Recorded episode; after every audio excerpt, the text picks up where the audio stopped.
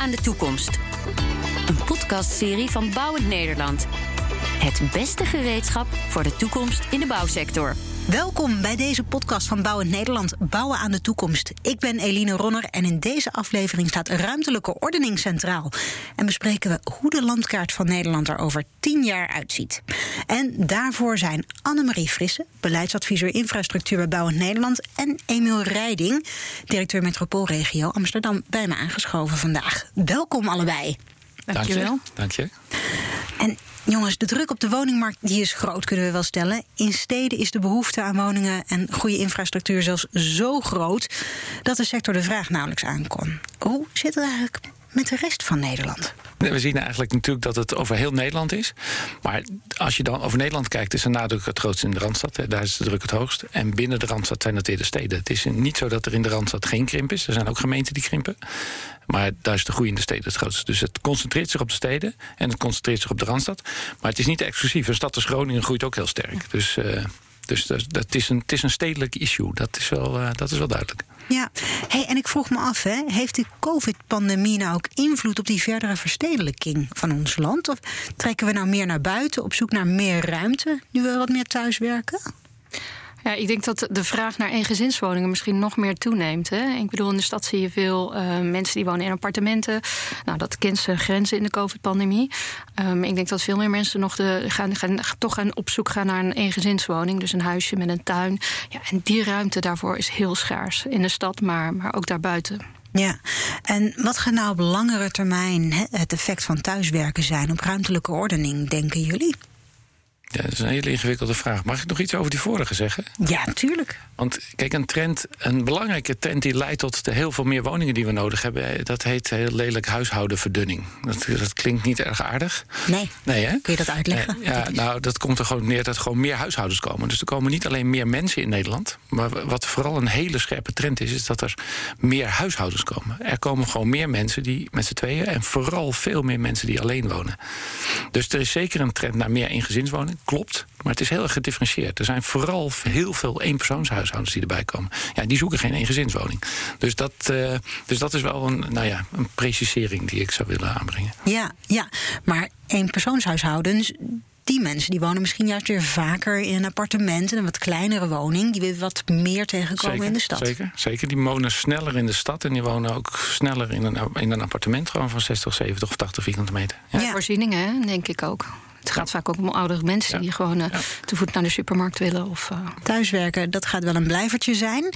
Wat gaat nou het effect zijn van dat thuiswerken op ruimtelijke ordening in Nederland, denken jullie? Ik vind het ontzettend interessant wat er gaat gebeuren. Want het, op zich zou het wel een blijvertje kunnen zijn. Um, zeker weten weet niemand dat natuurlijk nog.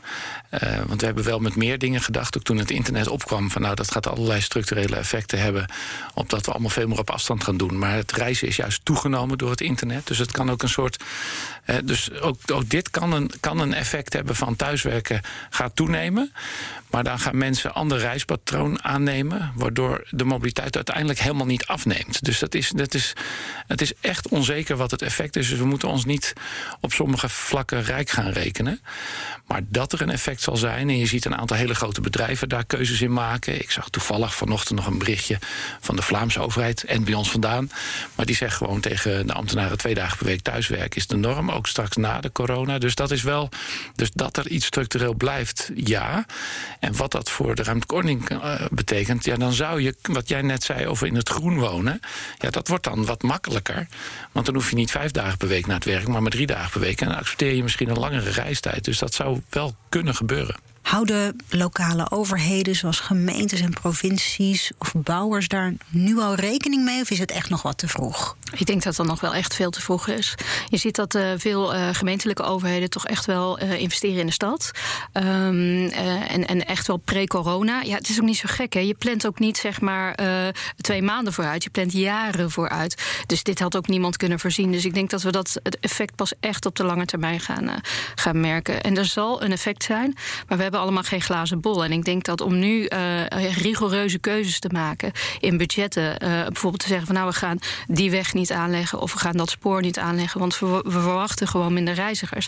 Ja, lijkt me echt nog wat, wat te vroeg. Ja, is veel te vroeg Ja. Dus dat, uh, en bovendien, als het een. Stel, het heeft een heel groot effect. Uh, ik, de, de, de druk op de woningmarkt in Amsterdam zou maar 10% afnemen. Dan is je druk nog steeds huge. Hè? Dus, uh, dus de, moet, ik zei al niet rijk rekenen. Nee, dus voorlopig nog geen New Yorkse toestanden in Amsterdam. Zou ik zeggen van niet, nee. Een belangrijk onderdeel, als ik daar nog wat aan eh, mag toevoegen, is ook de betaalbaarheid. Hè? Je ziet dat mensen um, in de stad gewoon, ja, dat gaf jij net ook al aan, hè? Die, die woningmarkt die is, die sky high. En mensen kunnen gewoon eigenlijk niet betalen om dicht bij hun werk te gaan wonen. En dan gaat het dus ook om de ruggengraat van Nederland. Hè? Dus de politie, mensen, de zorgmedewerkers. En ja, dat, dat is wel echt gewoon een, een, een probleem. Dus die, die, zij moeten ook van A naar B komen. Dus ik zie die mobiliteit, als, als die prijzen zo blijven, ook gewoon echt nog heel erg belangrijk worden, ook in de post-coronatijd. Ja, absoluut. absoluut. En daar, dat, eh, dus als we bij ons kijken, hier, eh, hier Amsterdam en omgeving, is daar natuurlijk voor die metropoolregio Amsterdam. Ja, die woningbouwopgave, ja, dat moeten we juist op dat niveau van die metropool bekijken. Want dat is het daily urban system. Dus dat is het, het, het systeem waarin mensen zich dagelijks verplaatsen als we ons straks weer gewoon lekker kunnen verplaatsen. En dat we dit, ik noemde dit net een uitje, maar straks wordt het weer heel gewoon. En uh, dan verplaatsen we ons in die metropool. En daar moet je ook wonen en werken. Moet je in die metropool op, op plekken concentreren. En weet je, die, die trend en die werkwijze, die hoeven eh, wat mij betreft helemaal niet aan te passen. Er is geen reden voor. Nee. Hey, en Emiel, je hebt het over de metropoolregio Amsterdam. Hè? Wat verstaan we daar precies onder? Dat zijn alle gemeenten uh, rondom Amsterdam zeg maar van, van, van de zee tot de Zuiderzee. Wat ooit de zee was. Nee. Dus van Lelystad tot en met Zandvoort. Alle gemeenten rondom Amsterdam, 32 gemeenten. En de twee provincies die daarbij betrokken zijn. En de vervoerregio Amsterdam. Die, uh, die gaat weer over een wat kleiner gebied. Die zijn daar verantwoordelijk voor het openbaar vervoer. En voor uh, allerlei investeringen in uh, bijvoorbeeld ook duurzame mobiliteit. Dus die, die organisaties, dat zijn er 35 bij elkaar. Die vormen de metropoolregio Amsterdam. Ja, ja precies. Dus, dus dat is een, een flink stukje groter dan echt puur dat de stad Amsterdam. Zeker, zeker. Ja. ja, ja. Hey, en ik begrijp dus ook op de wat middellange termijn voorzien jullie dat de Randstad, steden, ook steden buiten de Randstad, nog wel echt uh, flink populair blijven. En wij vroegen ook aan Claudia Bouwens, zij is programmabegeleider Energie en Duurzaamheid bij de NEPROM, of de Randstad zal blijven winnen aan populariteit. En ze zei daar het volgende over. Ik denk dat het onvermijdelijk is dat Nederland verder verstedelijkt. Er moeten immers nog 800.000 woningen bij. Maar ik zou wel willen dat dit gebeurt met voldoende parken en open plekken en groene scheggen door de stad. Zodat je altijd vanuit je huis een ontspannen ommetje kan maken of een mooie hardlooproute hebt en je kinderen zelfstandig buiten kan laten spelen. Ik denk dat we die groene zones in de stad moeten ontwerpen als ze er nog niet zijn. Annemarie, ik zag jou knikken. Jij bent het vast ermee eens. Ja, ik ben het er hardgrondig mee eens. Uh, de leefbaarheid van de stad is natuurlijk heel erg belangrijk. En we kunnen alles volzetten met, uh, met beton. Maar dat maakt het voor mensen ook niet leuker om er te wonen. En helemaal in coronatijd, nou ja, ik weet het niet hoe, hoe het met jullie zit. Maar ik maak iedere dag een rondje door het park midden in Utrecht. Uh, dat is ook gewoon gezond. En ja, het, het doet ook wat met de leefbaarheid. Het ziet er gewoon mooier uit. En nou, jongeren kunnen een trap, trapveldje gebruiken. Dus ja, ik ben het heel erg met, de, met, met deze boodschap eens. Er moet absoluut aandacht zijn voor groen. Persoonlijk, ik woon, uh, heb geluk dat ik naast het Amsterdamse bos woon, dus daar kom ik elke dag. En uh, nee, dat is persoonlijk, maar het is, uh, het is voor iedereen ontzettend belangrijk. En het is een kwaliteit die we als Nederland hebben. Dus dit, dit moeten we uitbuiten. Hè. Wij zijn, wij zijn een, een, een heel dichtbevolkt land, maar we zijn heel dun bevolkte steden. Hè. Dus wij zijn heel anders dan in het buitenland. Metropolen, die zijn echt een centrum in het, in het buitenland. Als je naar Londen of Parijs of New York noem je net zelf. Maar wij hebben maar, ja, Amsterdam is natuurlijk maar een klein stadje, moet je tegen Amsterdammers niet zeggen. Maar dat is het natuurlijk natuurlijk eigenlijk wel op internationale schaal. Maar als metropool zijn we met 2,5 miljoen. En hebben we juist die groene scheggen rondom de stad. Heel veel. Hè, dus je kunt eigenlijk overal in een kwartier met de fiets ben je in het groen. Ja, dat kun je in andere metropolen niet zeggen. Dus het is een kwaliteit die we hebben. Die moeten we houden en die moeten we ook uitbouwen. Dus uh, op, op nieuwe plekken waar we gaan bouwen is dat groen ongelooflijk belangrijk. Voor de leefbaarheid, voor luchtkwaliteit. En wat we niet moeten vergeten, voor wateropvang. Dus als wij, we moeten heel veel verdichten ook, binnenstedelijk bouwen. Maar dat moeten we op een manier doen dat we niet die stad één betonnen woestijn maken. Ten eerste is het niet leefbaar, maar ten tweede kun je het water niet kwijt. En dat wordt echt ook een ongelooflijk belangrijk, is al een ongelooflijk belangrijke opgave, maar die opgave wordt alleen maar groter. Ja, ja, dat is inderdaad een goed punt dat je daar maakt. Ik zat zelf nog te denken van, oh, ik ben ook zeker in deze tijd heel erg blij dat ik dicht bij een park woon. Maar het is ook inderdaad met het oog op de klimaatverandering uh, ook wel bijna pure noodzaak. Want Waaraan moeten wat jullie betreft woonwijken, buurtschappen en steden eigenlijk nog meer voldoen aan de toekomst? Nou, ik denk dat behalve dit met, met water en groen. Ja. Wat, wat, en, en dat doen we lang nog niet altijd goed hoor. Dus ook wijken die net zijn opgeleverd. Als ik er nog wel eens eentje zie. Ik zal geen voorbeelden noemen, want dat is een beetje lelijk. Maar dan denk we zijn er nog lang niet altijd goed in. Dus water en groen, ongelooflijk belangrijk. En ik denk veel meer menging. Dus wij hebben in, in veel opzichten te monomaan gebouwd in het verleden. Dan was het of wonen of werken. Dat doen we ook met andere functies trouwens. We vinden iets of landbouw of natuur. Dus we zijn heel gewend om alles van elkaar te scheiden en in kleine stukjes in te delen. Terwijl we moeten veel meer mengen. Dus uh, ja, is er nou een park, is dat nou een park of is dat natuur? Ja, dat, uh, ik vind dat allemaal niet zo belangrijk. En natuur is ook lang niet altijd toegankelijk. Nou ja, je kunt er op allerlei manieren naar kijken. Maar veel meer functiemenging in die nieuwe wijken, dat is wel echt, uh, echt een sleutel wat mij betreft. Ja, wat minder in vakjes denken en dan ja. plek voor blauw, plek voor groen. Ja, nou, zo, zo ging het ook echt. Blauw, groen. En dat zijn, ja, ik ben geen planoloog, ik weet niet of jij het bent. Maar anders dan ga ik lelijke dingen zeggen. Maar dat we, er werd wel heel op zo'n planologische manier naar gekeken. Met zo'n kaartje en kleurtjes. En dit is blauw en dat is groen. Alsof blauw en groen en rood niet bij elkaar kan. Dat kan. Ik weet niet wat voor kleur je dan krijgt. Daar ben ik niet zo goed in. Maar iets met paars of zo. Het vermengt een beetje met paars misschien, ja. ja.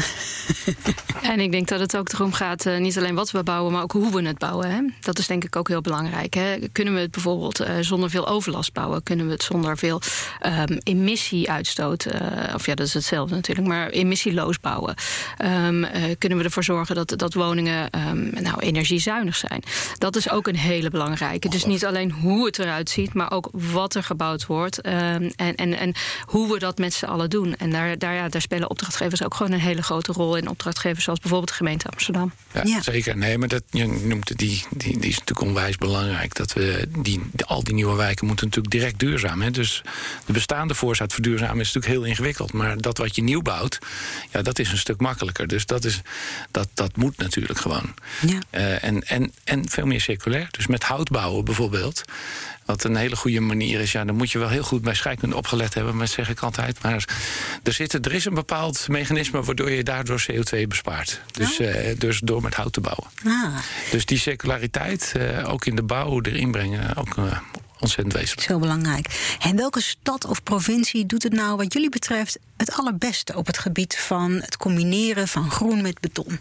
Dat vind ik een lastige vraag om te beantwoorden. Ik weet wel wat een hele goede duurzame stad is. Een, uh, een stad die, die veel heeft gedaan op het gebied van duurzaam aanbesteden. Teken de gemeente Ven. Wat zeg je? Daar teken ik ook voor. Ja, dat is de gemeente Venlo. Um, dus eigenlijk een stad die, die niet in de randstad ligt. Dat is wel heel interessant. Hè. Er is vaak een vooroordeel dat juist de grotere gemeentes daar koploper in zijn. Maar juist de gemeente Venlo heeft daar heel erg goed, goed op gescoord. En dat, dat gaat dus om het belonen van duurzame oplossingen in aanbestedingen. En ook bijvoorbeeld het belonen van innovaties en aanbestedingen. En je ziet dat zo'n gemeente als Venlo daar gewoon heel goed mee bezig is. Dus uh, bij deze een uh, dikke pluim voor, uh, voor de gemeente Venlo, die op nummer 2 in onze top 25 van duurzaamste aanbesteders staat. En wat merk ik daar nou van als ik door Venlo loop? Um, nou, misschien merk je het niet 1, 2, 3. Um, je moet er wel op letten. Um, ik denk wel wat je, wat je kan zien is dat bijvoorbeeld heel anders wordt gekeken naar het gebruik van machines er staat bijvoorbeeld een elektrische wals te draaien uh, die niet uh, vieze diesel uitstoot, maar die gewoon heel stil rustig zijn werk doet. Dat zou je er als, als, als uh, bewoner van kunnen merken. Ja, wat je vooral merkt als je in Venlo loopt dat het bijna Duitsland is. Maar goed, ik ben er laatst geweest. Dat staat, alle, alle borden staan ook in het Duits, dat is echt heel opmerkelijk. Maar ik weet wel dat er ook een raadhuis is in Venlo. Wat helemaal, dat is toch dat het met die hele groene. Met die groene gevel. Ja, dat is bijna Duits, hè? dat is toch met die groene gevel, of weet je dat ook niet? Weet ik eigenlijk niet. Ja, nee, dat, dat, is dus, dat is dat verticale groen. Dus dan staat er Ja. uh, niet alleen uh, groen op horizontaal niveau, maar ook tegen het gebouw op, zeg maar. Volgens En mij is dat ook een Venlo, als ik het goed heb. Maar warmte is ook een probleem. Steden zijn gewoon heet. Uh, steen absorbeert gewoon warmte. En juist dat soort oplossingen zorgen ook voor meer verkoeling in de stad. Ja, dus dat ja, is ook in de categorie uh, klimaat een, uh, een belangrijke. Maar ik, ik vind ook dat we gewoon Amsterdam mogen noemen. Want ik, ik, ik woon hier nou sinds deze zomer weer. Eh, ik ben, niet twintig jaar weg geweest. Maar ik ben wel weer heel erg. Ik hou sowieso van de stad, dat even ter, terzijde. Maar het groene in Amsterdam, dus de parken en de nabijheid daarvan. En ook dat nieuwe plan wat recent ge- gepresenteerd is. Om dat nog verder te versterken. Dat je overal in tien minuten in het groen kan zijn. Ja, ik vind dat Amsterdam dat eigenlijk heel goed doet. En eh, ik kwam uit Leiden en daar is dat gewoon veel minder sterk. Daar, daar pak je toch de auto om naar een groen gebied te gaan. En eh, in Amsterdam, eh, je kan ook naar het Amsterdamse bos, maar je kunt ook lopen nog naar het Amstelpark of naar het Beatrixpark. Dat is allemaal op loopafstand van elkaar. Dus als je een beetje door wil lopen, maar dat vinden we altijd lekker. Ja, Amsterdam staat op uh, nummer 15 in, in diezelfde top 25. Dus Amsterdam doet het ook qua duur, duurzaam aanbesteden goed. Ik bedoel, dit hele kadermurenproject is bijvoorbeeld op een hele aparte manier aanbesteed. Die, uh, ja, die, die, die wel echt vooruitstrevend is en die ook innovaties heeft opgeleverd. Dus inderdaad, wat dat betreft is uh, de gemeente Amsterdam ook wel een hele goede. Maar je noemde Venlo nummer 2. Dan ben ik wel heel benieuwd naar de nummer 1 eigenlijk. de nummer 1 is de ik ben niet de interviewer, hè? Nee, ja, ja, maar je haalt wel de woorden uit de mond, oh, Nummer 1 is provincie Noord-Brabant en de nummer 3 is Rijkswaterstaat. Dus je ziet een ah, mooie mix van opdrachtgevers uit uh, nou, verschillende bestuurslagen die, uh, die in onze top 3 staan. Ja, ja, ja precies. Maar provincie Noord-Brabant en Venlo. Gaan deze gebieden in de toekomst ook winnen aan populariteit, denk je? Want dat ligt dan eigenlijk wel voor de hand. Het zou mij niks verbazen. Ik bedoel, het zijn sowieso heel prettige uh, gebieden om te, om te wonen. Uh, geldt ook bijvoorbeeld voor het noorden van het land. Een stad als Groningen is, is enorm populair. Um, ja, en als we blijven investeren in infrastructuur en zorgen dat he, zowel het OV als, het weg, als de weg gewoon goed op orde is. En dat we eigenlijk zonder veel tijdverlies van A naar B kunnen. Dan zou het me niks verbazen dat in een klein land als Nederland ook, ook gemeentes als Venlo in populariteit zullen stijgen. Voor zover, voor zover ze dat niet al doen, hè. Ja, klopt. Ja. Nou ja, wat daar misschien ook nog wel een rol bij speelt, is want we kunnen natuurlijk allemaal prachtige wijken, steden en buurtschappen bouwen. Maar als je er lastig kan komen, dan komen natuurlijk niet zoveel mensen daar, uh, daarop af. En wat is nou belangrijk wanneer je kijkt naar juist het organiseren van die infrastructuur in ons land? Om maar even letterlijk een bruggetje te maken. Nou, ik denk dat we echt, echt een shift gaan maken en aan het maken zijn van uh, meer openbaar vervoer. Dus gewoon, eh, ik denk dat asfalt op heel veel plekken niet meer de oplossing is. Uh, vaak in die verdichte steden, ja, daar kunnen we meer asfalt helemaal niet kwijt.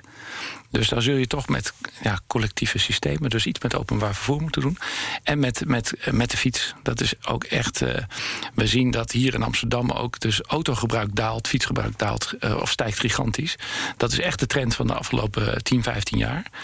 Dus daar zit wel de toekomst. Um, met name in de stedelijke gebieden. En op de wat langere afstanden, ja, daar zullen op een gegeven moment.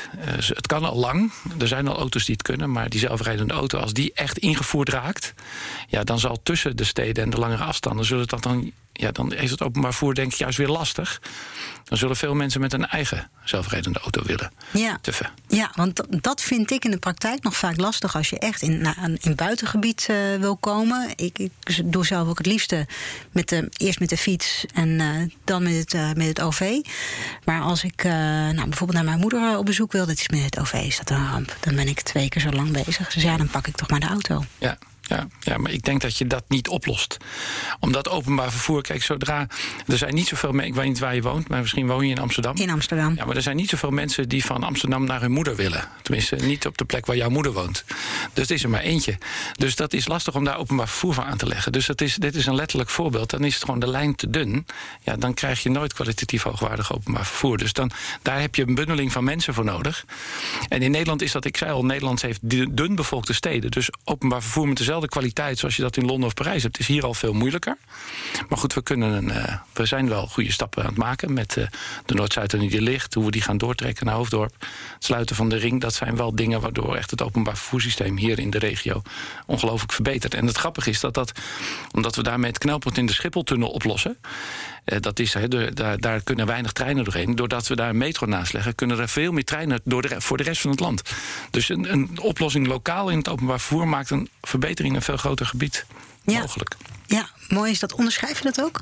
Nou, deels. Ik ben het niet helemaal met uh, Emiel eens. Ik denk dat um, niet op korte termijn uh, heel veel veranderingen zullen zien in, in autogebruik. Sterker nog, het neemt waarschijnlijk in, in coronatijden nog zelfs iets toe. Hè. Mensen zijn toch wel heel erg bereid om, om, om, om alleen te gaan rijden in plaats van, van het openbaar vervoer te gebruiken. dus wat dat betreft denk ik dat, dat de auto nog wel echt heel populair blijft. Um, ik denk wel dat de fiets, dat wordt echt het vervoermiddel van de komende komende tien jaar. We zien dat uh, daar um, er is enorm veel vraag naar ook verschillende type fietsen. Dat betekent ook wat voor je, voor je fietsinfra. In de stad bijvoorbeeld. We hebben onderzoek laten doen. Nou, 81% van de fietspaden naar middelbare schoolroutes is gewoon te smal. Ja, daar moet je wat mee uh, als stad. En dat geldt niet alleen in de Randstad, maar dat geldt, geldt in heel Nederland. Dus ik denk dat, dat als je kijkt naar hè, waar zijn nog investeringen nodig, ja, dat is ook wel zeker in die fietsinfra. Overigens ook afval, uh, asfalt is dat. En ik denk dat, dat, dat er niet één ik denk niet dat er één ehm, eh, modaliteit zal gaan overheersen de komende tijd. Ik denk wat de, voor de komende tien jaar voorop zal staan, is keuzevrijheid van de, van de consument. En de optimale mogelijkheid om zelf te kiezen, zelf te gaan bepalen. Op dit moment is voor mij de auto of de fiets of het openbaar vervoer de beste manier om van A naar B te komen. Ja, ik, ik ben het wel met je eens hoor. Ik, ik, ik, ik, denk dat we niet zo ver van elkaar uh, afzitten. Het gaat mij vooral om additionele investeringen. Dus als ja. waar meer geïnvesteerd moet worden, bij, bovenop wat er al is, dat is toch wel dominanter OV dan weg. Maar de auto zal over het geheel genomen, als je uh, alle kilometers bij elkaar telt, nog steeds heel erg dominant zijn en dat ook blijven. En vooral als dat met de elektrificatie in die zelfrijdende auto blijft dat ook gewoon zo. Dus dat ben ik ook met je eens hoor. En ja. het ligt er natuurlijk ook aan of je het hebt over um, he, grote wegen, de A12 of of uh, nou, hier de Ring Amsterdam. Of, uh, of gewoon echt een, een kleine weg in, uh, in het stadscentrum. Daar zit natuurlijk ook verschil hè, tussen, tussen waar moet je gaan investeren en niet. En ik denk ja. dat op die hele grote knooppunten, waar het nog steeds vastloopt, ja, er zullen ook de komende 10, 20, 30 jaar gewoon echt grote investeringen moeten plaatsvinden. Ja, maar ja. op sommige plekken, kijk, de Ring Amsterdam kun je echt niet meer uitbreiden.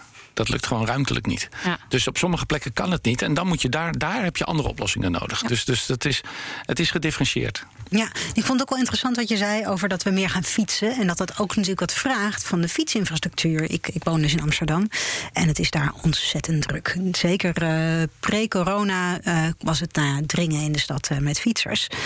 Ik weet dat ze ook op, in verschillende, op verschillende plekken hebben ze ook fietssnelwegen. Gaan we daar dus ook meer diversiteit in krijgen in type fietspaden? Zeker nu je ook speed pedelecs en dergelijke hebt.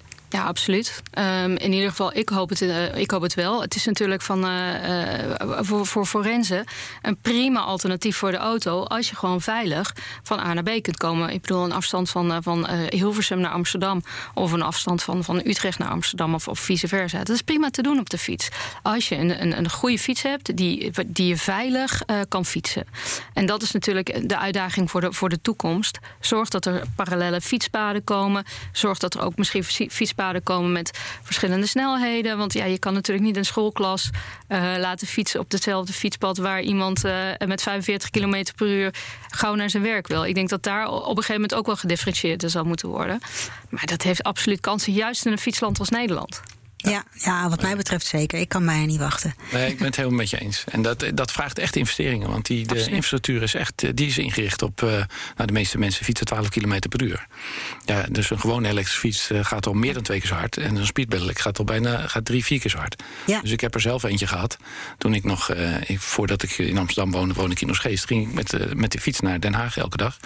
En dan ervaar je wel dat die infrastructuur daar eigenlijk niet geschikt voor is. Nee, hè? Nee, inderdaad. Op sommige plekken in ieder geval. Ja, hey, en, en die wegen, gaan die in de toekomst ook voornamelijk nog steeds dienen om, ja, simpel gezegd, van A naar B te komen? Of kunnen we daar misschien ook nog wel meer uithalen? Misschien energie mee opwekken? Zeker, dat kan. De techniek is er al. Ja, de techniek is er al, dus dat zal zeker kunnen. Ik denk dat de belangrijkste functie nog steeds wel blijf je erover verplaatsen. Ik denk alleen dat de A en de B wel eens zouden kunnen verschuiven. Hoewel de A, ja, de A, dat is het wonen, daar hadden we het in het begin over. Ja, de B zal denk ik uh, heel vaak uh, meer een overstappunt worden. Met name als je in dat hoogstedelijke gebied komt. Want uh, die zelfrijdende auto, hè, waar ik het over had... dat is echt een oplossing voor de capaciteit op het hoofdwegennet. Hè. Die kun je daarmee echt verhogen. Maar bedenk even dat. Kijk, de biologische klok van mensen blijft hetzelfde. Dus die gaan altijd na hun ontbijt gaan ze op weg naar het werk, zeg maar. Dus dat gaan ze allemaal op hetzelfde moment doen. En ze willen toch naar concentratieplekken. Hier aan naar de Zuidas of uh, naar uh, het kantorencentrum bij, uh, bij Schiphol of waar dan ook. Dus ze willen naar die plekken toe. En als dat op hetzelfde moment zoveel mensen zijn, of ze nou in de zelfrijdende auto rijden of niet, ja, dan krijg je daar nog steeds ongelofelijke congestie. En die wordt alleen maar erger omdat het treingebruik op die lange afstanden gaat afnemen, is dan mijn verwachting. Dus je zult veel meer overstappunten moeten maken. Waar mensen dan vervolgens met een, of een elektrisch fietsje of een stepje of uh, uh, naar hun eindbestemming moeten komen. Dus dan, uh, dan wordt het eerst van A naar B en dan van B naar C. En dan ben je op je werk. Ja, dus we gaan echt een aantal van die overstappunten krijgen. Ja, wat mij betreft wordt dat heel belangrijk. Ja, ja. ja dat, zijn, dat zijn de zogenaamde hubs. Die, dat, dat herken ik wel. Om nog even terug te komen op jouw vraag over... Hè, wat kun je nog meer met die weg? Ik denk dat er in de toekomst heel veel zal kunnen met, met de weg. Er kan ook al heel veel. Belangrijk is daarbij dat er ook om wordt gevraagd. Bouwers uh, gaan niet innoveren omdat ze zelf denken van nou, ik, heb een, uh, ik, wil een weg aanleggen. Er wordt aan hun gevraagd, willen jullie een weg voor ons aanleggen? En als er dan wordt gevraagd, en doe dat op een innovatieve manier, waar we uh, bijvoorbeeld energie kunnen opwekken met een weg. Ja, dan, gaat, dan komt er een vliegwiel in werking. En dat is dus heel erg belangrijk, denk ik, om voor de toekomst. Als je dat soort dingen wil en als je op een andere manier naar je infra wil kijken, moet je het gesprek tussen opdrachtgever en opdrachtnemer gaan voeren. Ja. en als buitenstaander heb ik dan wel het idee dat het die, die en die klant is vaak de overheid, dat die met name let op prijs. Klopt. Uh, en dat, dat geeft natuurlijk altijd een remmende werking op uh, innovaties. Hoe zou je dat in beweging kunnen krijgen dan? Ik denk dat uh, sowieso het gesprek met elkaar voeren. Dus ga met elkaar in gesprek van wat kan er nou eigenlijk. En het is um, belangrijk om, om gewoon het eindproduct uh, voor ogen te hebben. En je wil gewoon dat uh, innovaties ook worden beloond. Want je, je moet natuurlijk ook als, als, als ondernemer je investering kunnen terugverdienen. Of in ieder geval op de markt kunnen zetten. En dat is heel erg belangrijk. Dus het gesprek met elkaar voeren over wat er kan. En wanneer dat ook kan, dat is gewoon heel erg belangrijk. Ja, zijn er hier ook steden of provincies die dat eigenlijk wel heel goed doen? Nou, het Kademurenproject in, in Amsterdam, dat, dat is daar wel een voordeel, uh, voorbeeld van. Daar is echt gekeken van ja, wat is er nou nodig? En is er ook eerst in een proeftuin gekeken van nou ja, hoe kunnen we dit met elkaar, dit varkentje gaan wassen? Ja. Dus dat Ja, gebeurt zeker. Ja, wat heel belangrijk is, is dat je verschillende doelen aan elkaar kunt koppelen. Dus als je als opdrachtgever alleen maar een ver- verbinding wil realiseren van A naar B, zoals jij zei, als dat je enige doel is, ja, dan ga je het op dat doel afrekenen. Maar je, je moet dus eigenlijk doelen bij elkaar brengen, want je wilt er ook energie mee opwekken. Maar dat is vaak binnen de gemeente of bij die opdrachtgever, kan ook Rijkswaterstaat zijn. Is dat dan een andere club? Of, of een ander ministerie als het om Rijkswaterstaat gaat? Dus je hebt eigenlijk doelen aan elkaar te koppelen. En dat is echt een oproep aan opdrachtgevers. Dat kunnen die opdrachtnemers niet doen.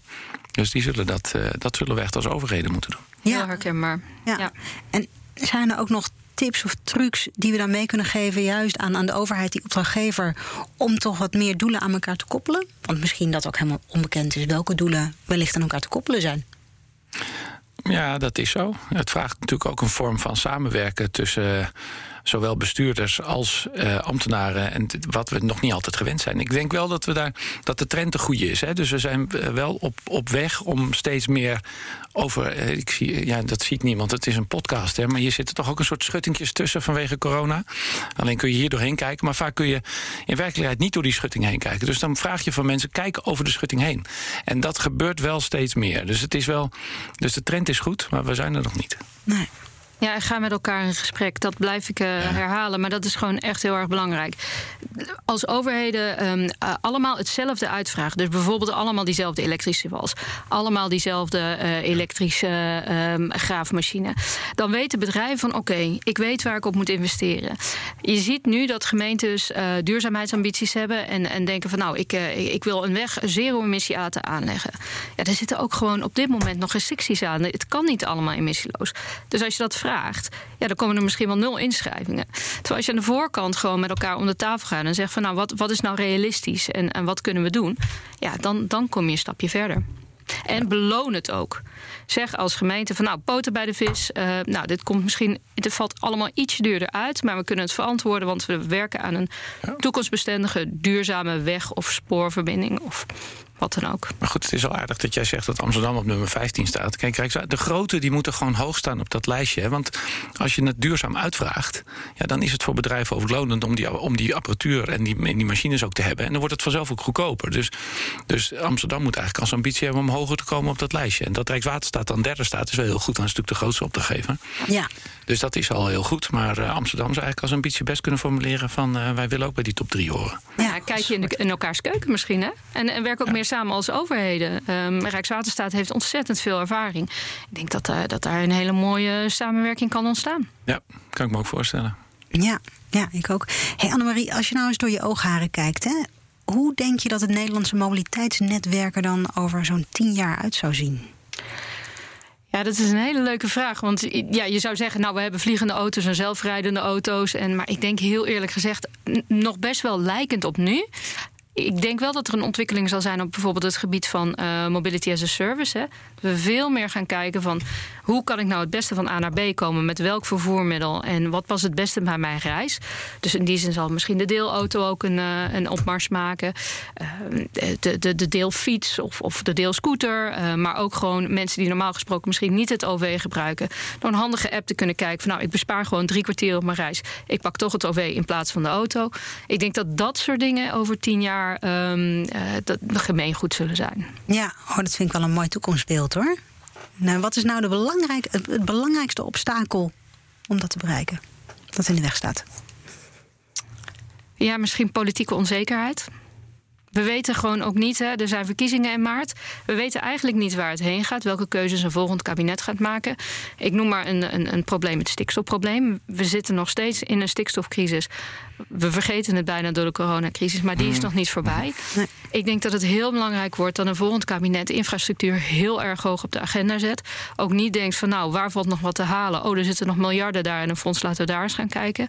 Nee, er moet echt boter bij de vis. En men moet echt gewoon realiseren dat willen we met z'n allen mobiel blijven. En niet alleen om van A naar B te komen, maar ook hè, omdat ja, je ontwikkelt jezelf als mens ook als je van A naar B kan komen. Als jij niet op je werk kan komen en je moet ontslag nemen, dan heb je een probleem. Dus ik denk dat, uh, dat dat, politieke onzekerheid, een, een, een, factor is die, als die wordt weggenomen, dan ziet het er een heel stuk rooskleuriger uit. Uh, over ja, jaar. Ik ben het heel erg met je eens. Kijk, het is een andere crisis dan de vorige crisis. Hè. Er, is, er is wel geld en infrastructuur moet echt hoger op de agenda. Hè. Je ziet nu woningbouw staat heel hoog op de Haagse agenda. Maar we kunnen die woningen in deze regio moeten 250.000 woningen bouwen voor 2040. Nou, dan moet je ongeveer voor in Amsterdam staan nu 450.000 woningen. Dus dan weet je een beetje orde grootte. Dat zijn er dus ja, ongelooflijk veel. veel. Dat doet dus ook heel veel met je mobiliteitssysteem. Ja, en als we daar niet in kunnen investeren, dan, uh, dan kunnen we die woning ook niet realiseren. Dus dat, uh, de term boter bij de vis spreekt mij zeer aan. Ja. ja, je noemde het al, die woningmarkt. Emiel, ik ga nou jou vragen. Kijk jij eens door je oogharen heen en hoe ziet de Nederlandse woningmarkt er dan over tien jaar uit, denk je? Nou, dat, dat wordt niet dus er zijn, er zijn mensen, ook, ook hier in Amsterdam zijn er mensen die zeggen van nou, je moet Amsterdam als metropool laten groeien naar een stad van 2 miljoen inwoners. Hè? Dus de stad Amsterdam. Nou ik, dan, dan moet je de grenzen van de stad Amsterdam anders trekken, want anders lukt dat nooit. Dus dat is helemaal niet realistisch. Dus het, eh, ik denk dat het patroon zoals wij dat kennen, wat dat betreft, er is een bepaalde padafhankelijkheid, om het lelijk te zeggen. Dat zeg je ook. Hè? Dus het mobiliteitssysteem ziet er over tien jaar niet compleet anders uit dan nu. Dat is voor de woningmarkt ook zo. Wij zijn polycentrisch ontwikkeld. Dus met meerdere centra. Uh, we vormen op die manier een metropool.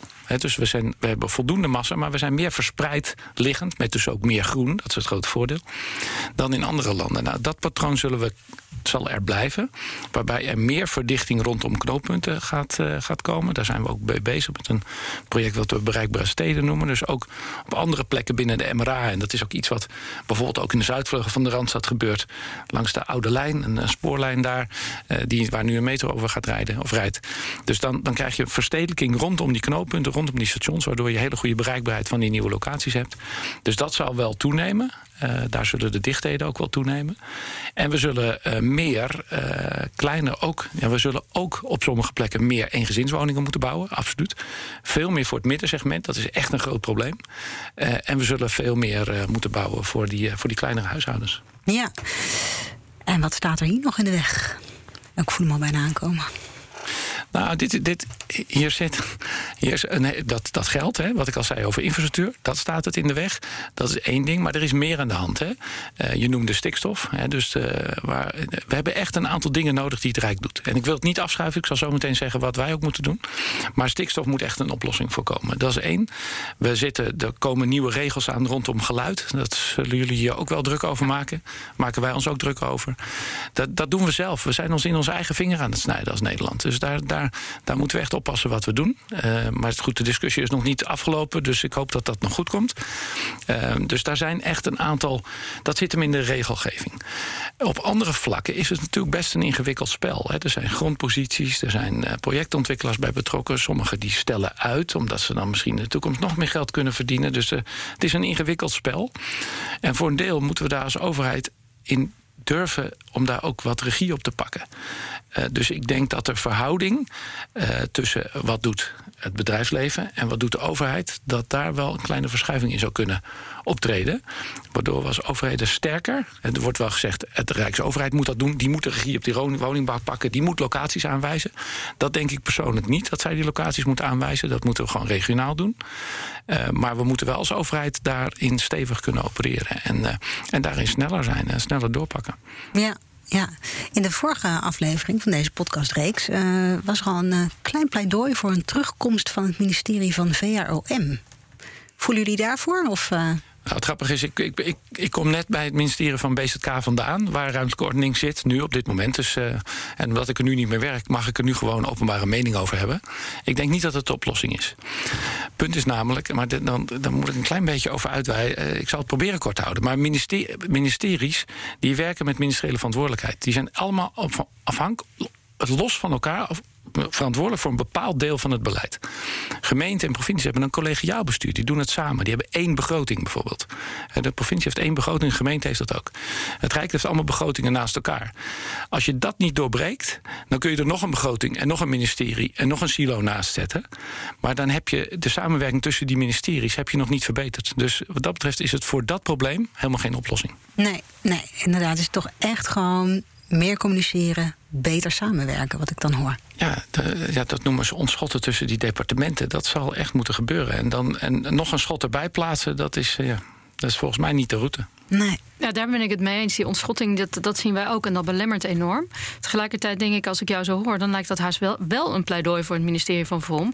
Omdat je dan zegt van we halen al die verschillende plukjes beleid weg bij die uh, verschillende departementen. Zetten ze in één departement, dan kunnen ze met elkaar praten, kunnen ze veel meer integraal beleid maken. En dan heb je niet vijf silo's, maar dan heb je één silo van VROM. Dus ja, nou, als je het zo doet, dan, dan ga ik een eind met je mee. Maar dat betekent dat je ophoudt met het ministerie van Landbouw. En je houdt op met het ministerie van Infrastructuur. En dat gaat niet gebeuren. Want die blijven bestaan. Dus, dus, uh, dus als, zoals jij het schetst, dan breng je dus al het ruimte, echt al het ruimtelijke beleid bij elkaar. Dan krijg je wel een mega-ministerie overigens. Maar daar, dat zou nog wel een oplossing kunnen zijn. Maar zoals het nu uitziet, is het een ministerie wat naast die andere ministerie staat. En dan geloof ik niet dat het een oplossing is.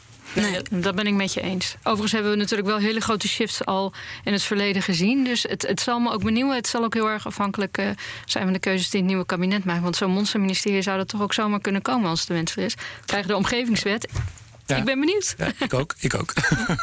Nou ja, wie weet. We gaan het vanzelf, uh, ja. vanzelf merken. Ik heb geen glazen bol, dus ik, ik, uh, ik weet het ook niet. Maar ik ben zelf ook wel erg benieuwd. Dus ja, in die zin de conclusie die we wel kunnen trekken naar aan het einde van deze aflevering is dat eigenlijk dat onderlinge communicatie, dat we dat veel meer moeten gaan doen. En ja, daarmee zijn we weer aan het einde gekomen van deze podcast uit de podcastserie Bouwen aan de Toekomst van Bouwend Nederland. Dankjewel Annemarie Frisse, beleidsadviseur infrastructuur bij Bouwend Nederland en Emiel Rijding, directeur metropoolregio Amsterdam. Meer over de ontwikkelingen in de bouwsector en andere afleveringen in deze podcastserie staan voor je klaar op bouwendnederland.nl/podcast.